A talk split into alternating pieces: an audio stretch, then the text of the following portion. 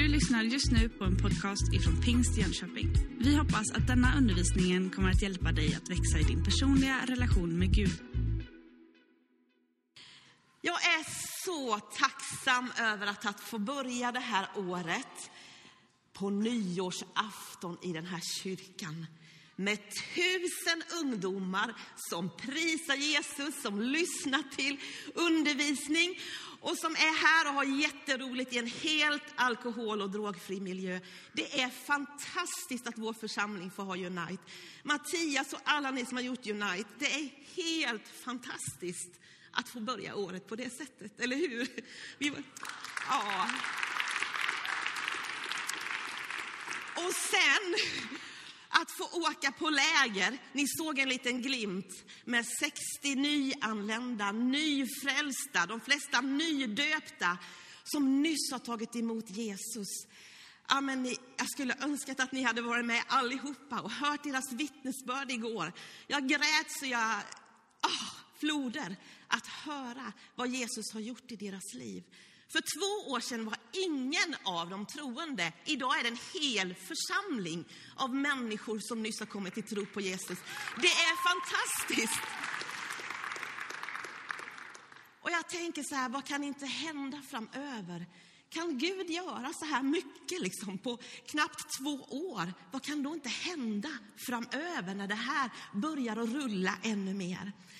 Jag har en bön och jag har en längtan inför 2018. Och det handlar om mitt eget liv, det handlar om min egen familj, men det handlar också om vår församling och det är temat för gudstjänst, eller för predikan här idag. Och det handlar om öppna hjärtan och öppna hem. Öppna hjärtan och öppna hem.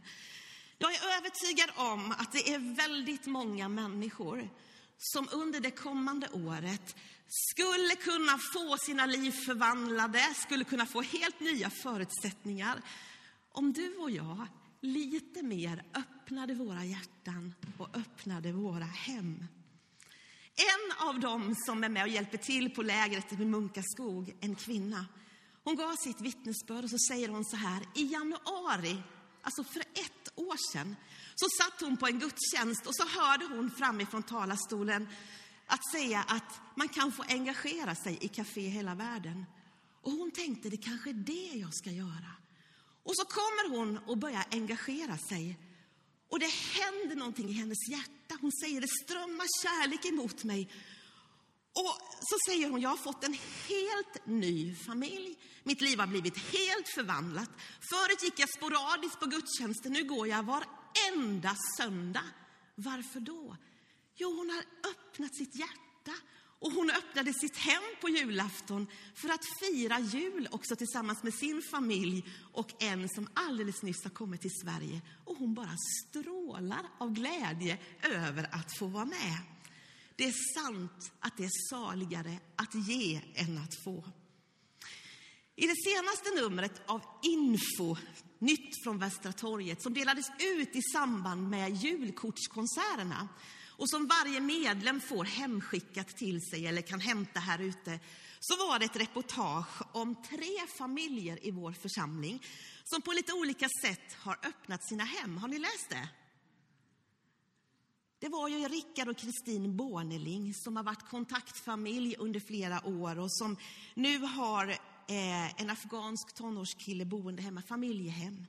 Det var Ulrik och Elisabeth Werner som under 20 år har varit familjehem där massor av barn och ungdomar har strömmat genom deras, deras familj som har fått gemenskap och ett nytt hopp för livet.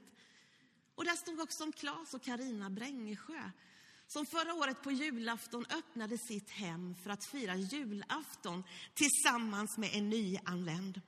Och så säger Claes där, så säger han så här, att öppna sitt hem på julafton för en person, det kan ju kännas som en droppe i havet. Men den droppen var viktig för oss. Det gör någonting att öppna sitt hjärta och att öppna sitt hem. Alla de här berättar om hur berikade deras liv har blivit genom att öppna sitt hjärta. När jag växte upp så var vi ofta hos mormor på helgerna. Och där hos mormor, bredvid kakelugnen i finrummet, så hängde en tavla. Och jag kommer ihåg att jag ofta stod och tittade på den där tavlan. Den var lik den ni ser här, om ni ser. Jesus som står och knackar på en dörr. Och jag stod ofta och tittade på den där tavlan och funderade över, undra om det är någon som kommer och öppnar. Eller om man får stå där och knacka och knacka. Och jag såg ju att det inte fanns något handtag på den där dörren. Jag har hört att konstnären blev kritiserad för att det inte just fanns något handtag. Men att han sa, det ska inte vara något handtag på utsidan utan på insidan på hjärtats dörr. Det är ju där handtaget är. I Bibelns sista bok, i Uppenbarelseboken, så hittar vi ett brev som är skrivet, vi hittar flera brev som är skrivna till olika församlingar. Men vi hittar ett brev som är skrivet till församlingen i Laodicea. Uppenbarelseboken 3 och 20. Och ni hörde det läsas i inledningen och vi läser det igen. Barnen illustrerade det. Se, jag står vid dörren och bultar. Om någon hör min röst och öppnar dörren ska jag gå in till honom och äta med honom och han med mig. Du som har öron, hör vad Anden säger till församlingarna. Församlingen i Laodicea, de trodde att de var rika och att de inte saknade någonting. Men i själva verket så säger Jesus att de är fattiga och nakna. Att de varken var varma eller kalla, utan att de var ljumna. Och att Jesus står och knackar utanför dörren och inget hellre önskar än att få komma in och hålla måltid. Den här bilden, den är både tragisk och hoppfull på samma gång. Den är tragisk i den bemärkelsen att Jesus faktiskt stod utanför en församlingsdörr och knackade. Att han hade blivit utstängd, att han inte fanns där, att de inte var varma och brinnande. Men den är hoppfull för att Jesus hade inte gett upp om den här församlingen. Han knackade på och önskade att få komma in och hålla måltid. Och jag tänker, Jesus har inte gett upp om ditt och mitt liv. Även om det skulle vara så att vi är ljumna. Att vi inte är så där brinnande som vi sjöng i sången. Han knackar på vårt hjärtas dörr.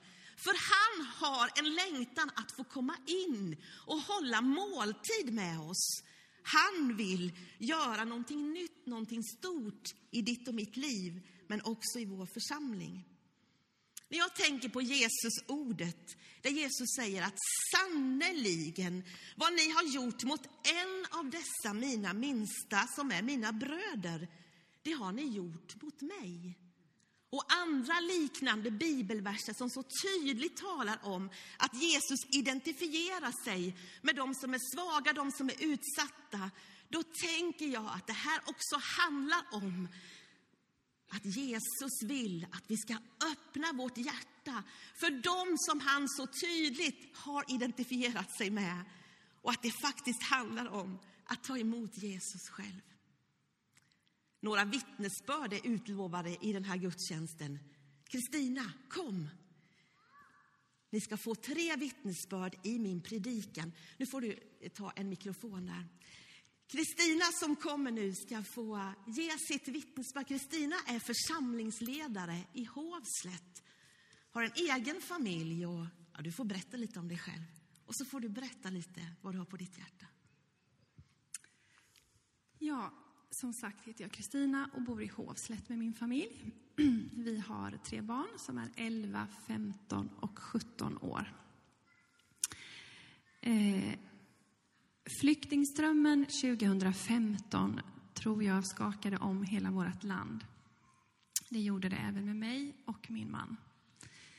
Eh, vår välfärd blev så extra tydlig då.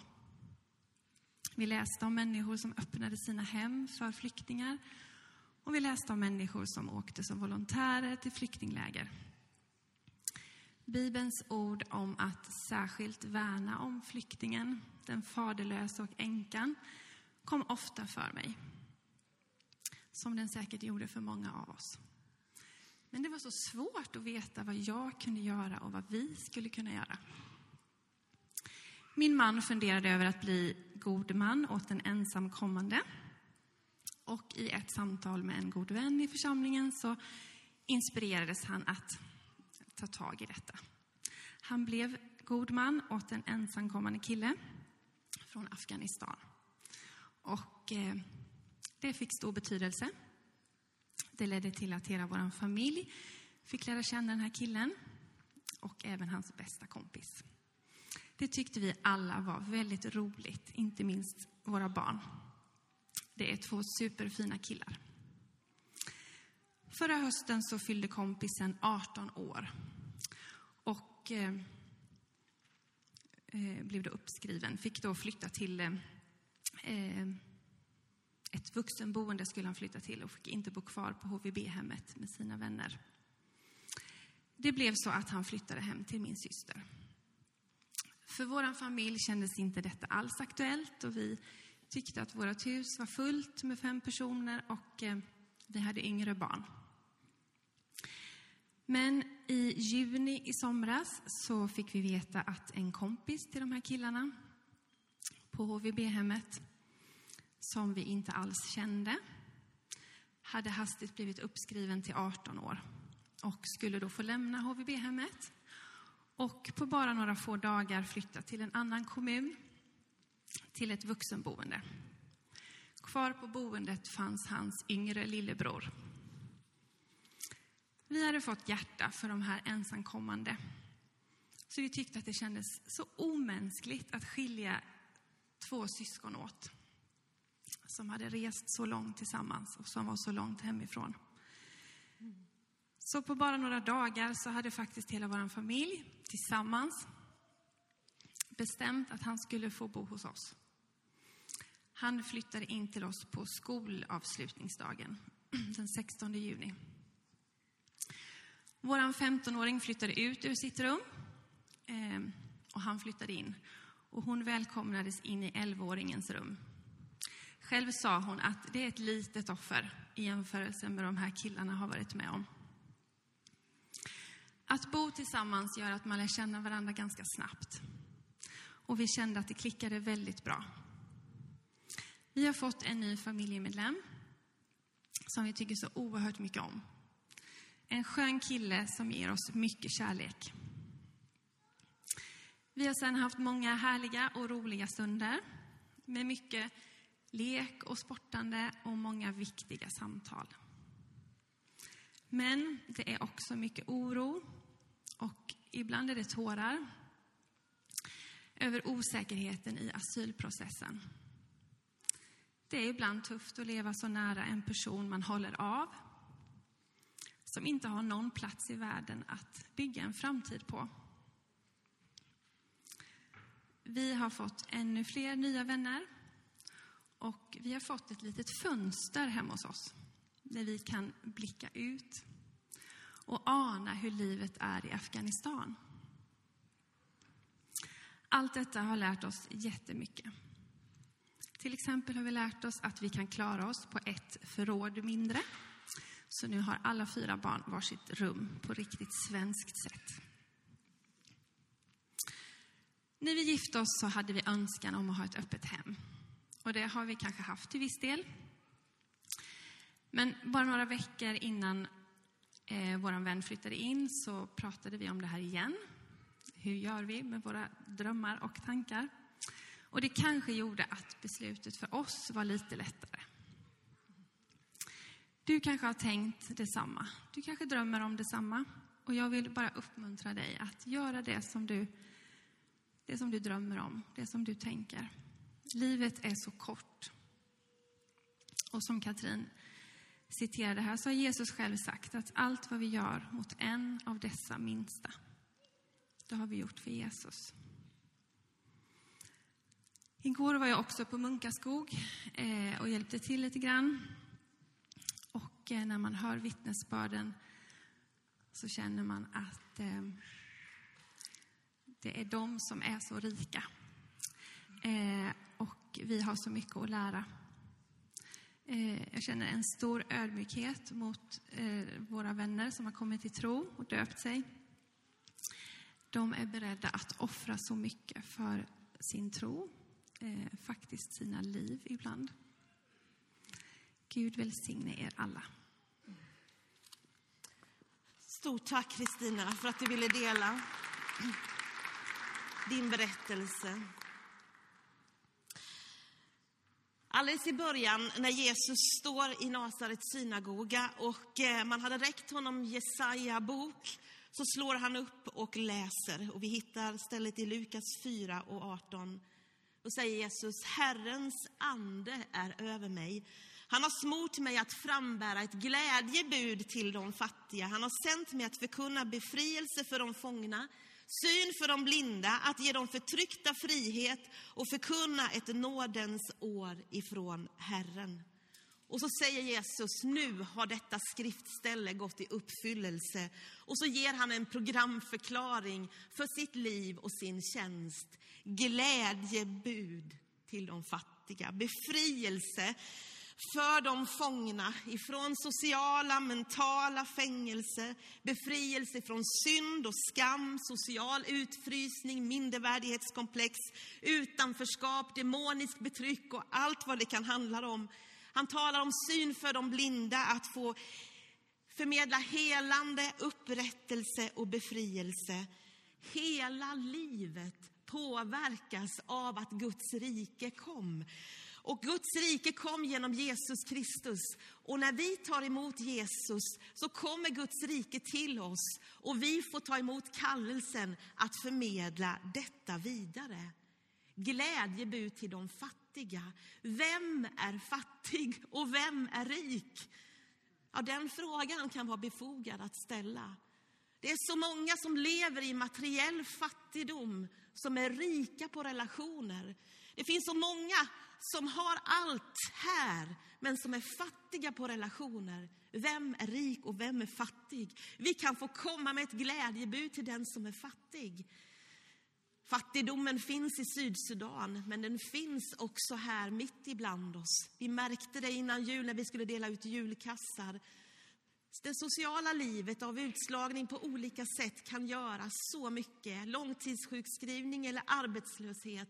Vi kan få vara med och ge glädjebud till de fattiga. Att ge glädjebud till den som saknar relationer kan handla om att sitt med mig på kyrkkaffet och fika. Välkommen in i vår smågrupp. Vi kan ge glädjebud till den som är fattig på så många olika sätt. Men i Guds rike så är det ingen social skillnad. Här är inte jude eller grek, slav eller fri, man eller kvinna. Vi är ett i Kristus Jesus. När pingströrelsen bröt fram, så när anden föll, så var tecknet på att anden hade fallit, det var att det var enhet mellan raserna. Senare kom tungotalet som ett tecken. Men enheten, gemenskapen, den här utjämningen på något sätt, att vi är inte olika. Vi tillhör varandra, vi tillhör en stor Gud. Befrielse för de fångna. Synden, ondskan, hatet, oförsonligheten, materialismen. Det är så mycket som vill hålla oss fångna. Men Jesus har kommit för att befria de fångna på vilket område det än handlar om. Och vi får stå i befrielsens tjänst. Syn för de blinda. Vi ber för människor som är sjuka. Från Unite så hör vi exempel efter exempel på människor som har upplevt helande. Vi ber för människor som har fysiska sjukdomar. Vi tror att Gud kan öppna blindas ögon. Men också öppna ifrån mental blindhet, när vi inte ser och förstår vilken tid vi lever i och vilka, vad Gud skulle kunna göra i och genom våra liv. Den mentala, sociala blindheten som gör att man inte kan ta tag i sin situation. Jesus har kommit för att ge syn för de blinda för att ge de förtryckta frihet. Förtryckt det betyder egentligen bruten i stycken. Det kan översättas med slagen. Frälsningen utgör ett nytt liv på alla områden. Om det så handlar om förtryck på grund av ras, eller kön, religion eller fattigdom eller vad det nu handlar om, så har Jesus kommit för att ge frihet för de förtryckta och att förkunna ett nådens år ifrån Herren. Alltså 2018 är ett nådens år ifrån Herren. I tredje Mosebok 25 så beskrivs jubelåret, eller nådens år. Och enligt lagen så skulle var sjunde år vara ett sabbatsår. Men efter sju gånger sju år så skulle det vara ett jubelår, när allt skulle ställas till rätta, när slavar skulle bli fria, när de som hade sålt sin mark skulle få den tillbaka, när det skulle vara en utjämning av social upprättelse, ekonomisk utjämning och rättvisa och fred och frihet. Alltså någonting som berör hela livet. Till människor i hopplösa situationer, i svåra situationer, så kommer Jesus och säger att han förkunnar ett nådens år ifrån Herren. Alltså det är fantastiskt. Vi får ta emot det, du får ta emot det, men vi får också förmedla det vidare. Nu ska ni få lyssna på ett vittnesbörd som är inspelat. Det är en person som säger att jag är inte så duktig att stå framför folk.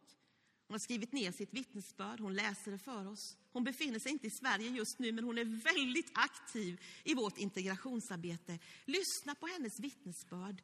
Hon säger många viktiga saker. Inga-Lill Lindsten. Varsågod, Inga-Lill. Jag heter Inga-Lill Lindsten och har tillhört den här församlingen i rätt många år. Jag vill berätta idag för er om mina nya vänner.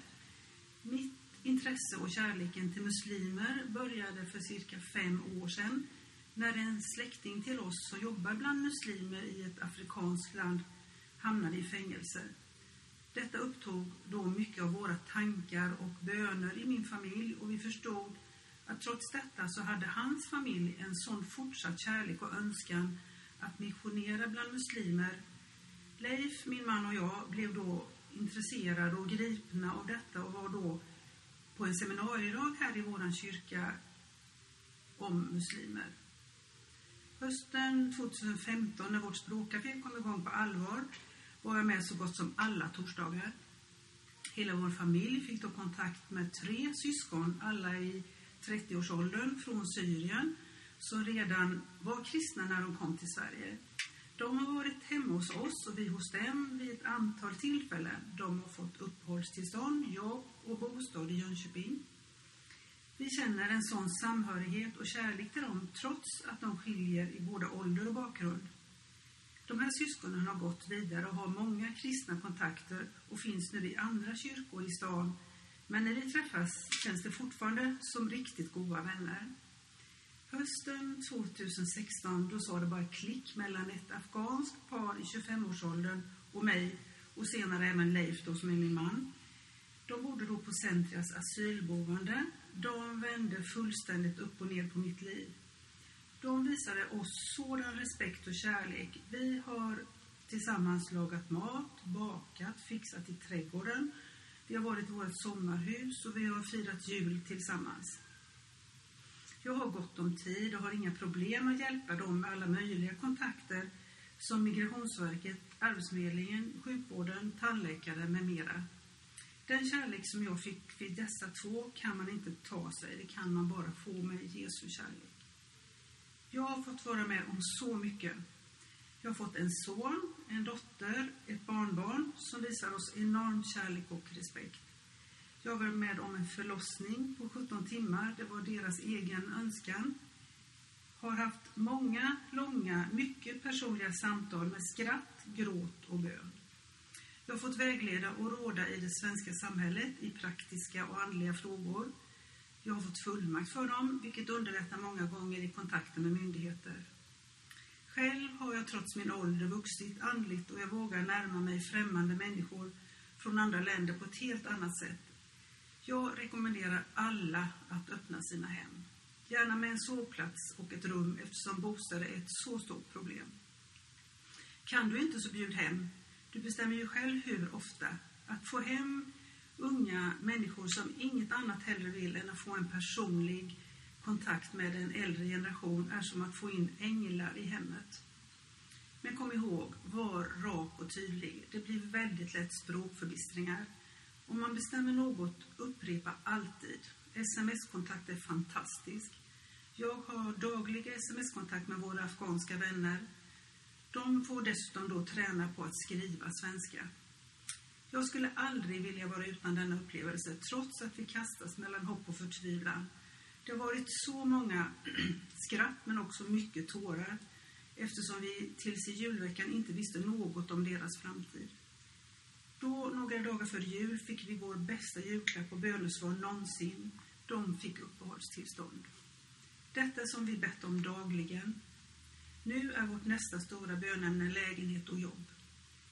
Ni som funderar på att etablera en regelbunden kontakt med någon har trots allt inget att förlora, allt att vinna. Man får ett liv med mycket mer kvalitet och meningsfullt innehåll. Jag säger bara våga.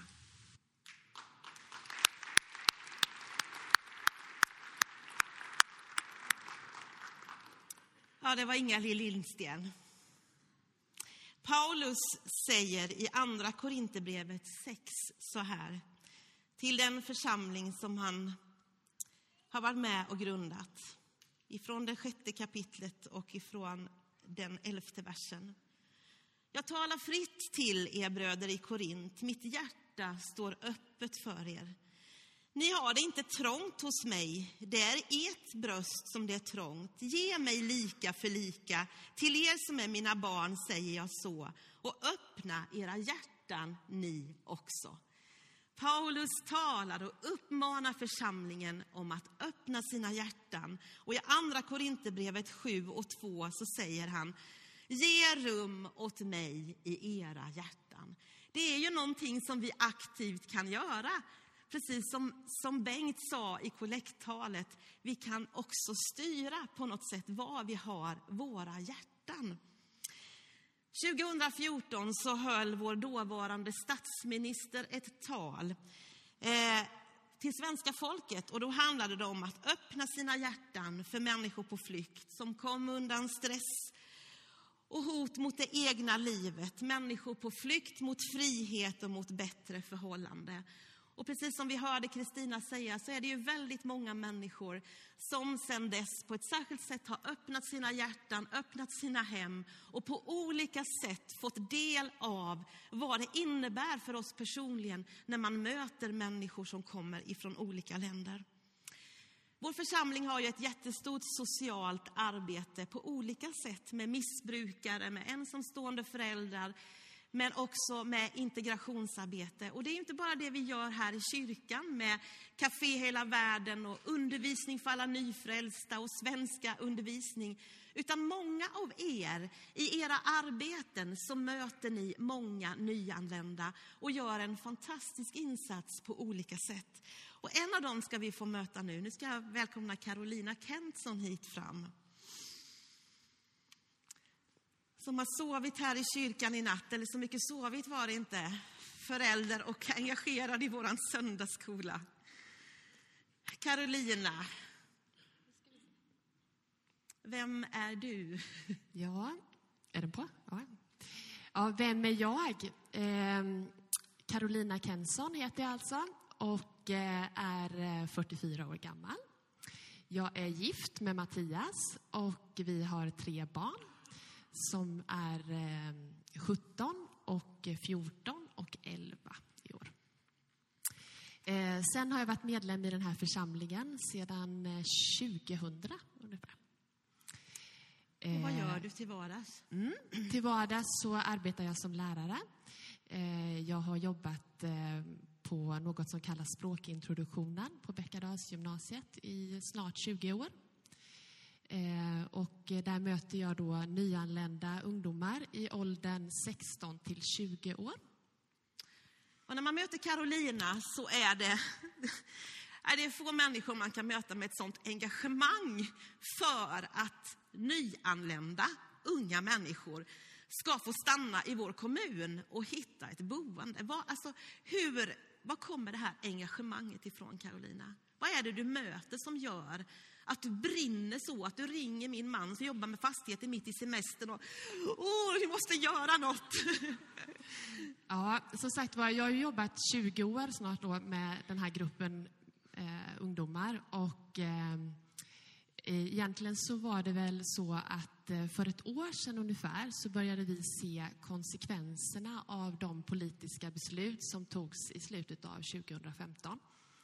Eh, som vi alla vet, men vi fick då i skolan konkret se de här eh, vilka förödande konsekvenser de här besluten faktiskt blir för den enskilda människan.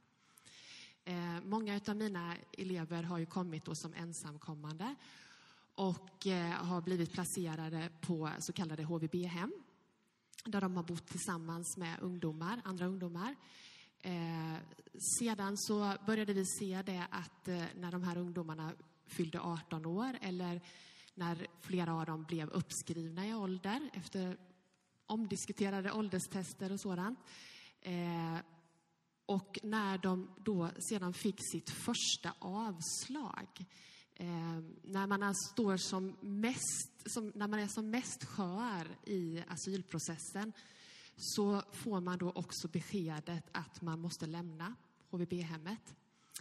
Eh, I sin absolut svåraste stund, kanske i livet, så får de inom loppet av ja, det kan handla om ett dygn, så måste de packa sin väska. De måste eh, lämna och eh, de eh, tappar också sin god man. I många fall står god man kvar, men inte liksom, organiserat så. Eh, så de tappar liksom de vuxenkontakter, de, den vuxenhjälp de har. Eh, de får packa sin väska, som sagt var, och i först eller i, i bästa fall så får de placeras på ett vuxen asylboende här i kommunen. Men eh, det kan också vara så att det kan egentligen handla om vilket, vilken del av landet som helst som de kan få komma till. Eh, och då är det svårt att inte bli engagerad för vi möter då ungdomarna med en väska i handen i skolan. Och den lilla trygghet som de har varit med Ja. och byggt upp av Ja. nätverk Och det är förlorar det, de. precis, det är det som vi är så oroade för. För att många har ju bott här i två till två och ett halvt år. De eh, har gått i skolan och fått kompisar och börjat lära sig riktigt bra svenska. Eh, har drömmar naturligtvis. Och eh, i den stunden då när det är som skörast så kanske allt det här tas ifrån dem. Så att vad vi känner en jättestor oro för det är att de får lämna skolan, fotbollslaget, kompisarna, nätverket här. Kyrkan, många av dem ser jag ju här i kyrkan också, de, mina ungdomar. Mm. Jag såg dem på filmen här från Munkaskog och sådär. Mm. Och vad tänker du då, Carolina, medlem i församlingen, lärare, möter alltihopa detta. Finns det någonting som vi skulle kunna göra som församling, som enskilda? Vad är din utmaning till oss? Ja, det första är naturligtvis att lära känna. Eh, att eh, prata eh, med dessa ungdomar. Eh, de längtar efter kontakt, de längtar efter vuxna att prata med, de längtar efter hem att komma hem till, att bjuda hem, ehm, att bli eh, kontaktfamilj och då handlar det, eller kontaktperson och då handlar det som sagt var inte om något organiserat via socialtjänsten eller så, utan helt på ideell basis. Ehm, det, ja, men sen hoppas vi också naturligtvis på att man också kan öppna sitt hem på ett annat sätt. Kanske finns det en säng som de kan få sova i under den här tiden. För vår önskan är som sagt att de ska få stanna i Jönköpings kommun tills asylprocessen är avklarad oavsett vilket beslut det än blir. Mm. Så det finns jättestora behov av en sängplats, ett rum att bo i för den som... Vi har en som behöver flytta imorgon, om inte vi hittar detta, till en annan kommun, mister sin gymnasieplats, mister sitt nätverk. Men vi har en jättestor möjlighet att öppna våra hem, alla som kan, för att en av dessa mina minsta ska få gemenskap och värme. Och även lokaler, som sagt var, som du var inne på också. Om man, om man vet lokaler och sådär som skulle kunna användas. Absolut. Du, det händer någonting här den 16. Vad är det? Ja, eh, den 16, alltså det blir nästa vecka. Ja. Ja. Eh, så kommer vi att ha ett, en inspirationskväll, har vi kallat det. Eh, Ulrika Haidari och jag och eh, två av mina kollegor var nyfikna på arbetet eh, som utförs i Göteborg av en eh, organisation som heter Agape. Eh, och bestämde oss eh, efter ett besök där, där vi blev oerhört imponerade av vad de gör. Eh, det händer fantastiska saker. och de har vi bjudit hit Matilda och David som, som är frontfigurerna i den rörelsen. De har vi bjudit hit för en inspirationskväll och det vill vi att många ska komma på. Tack Carolina och Gud välsigna dig i ditt arbete och ditt engagemang.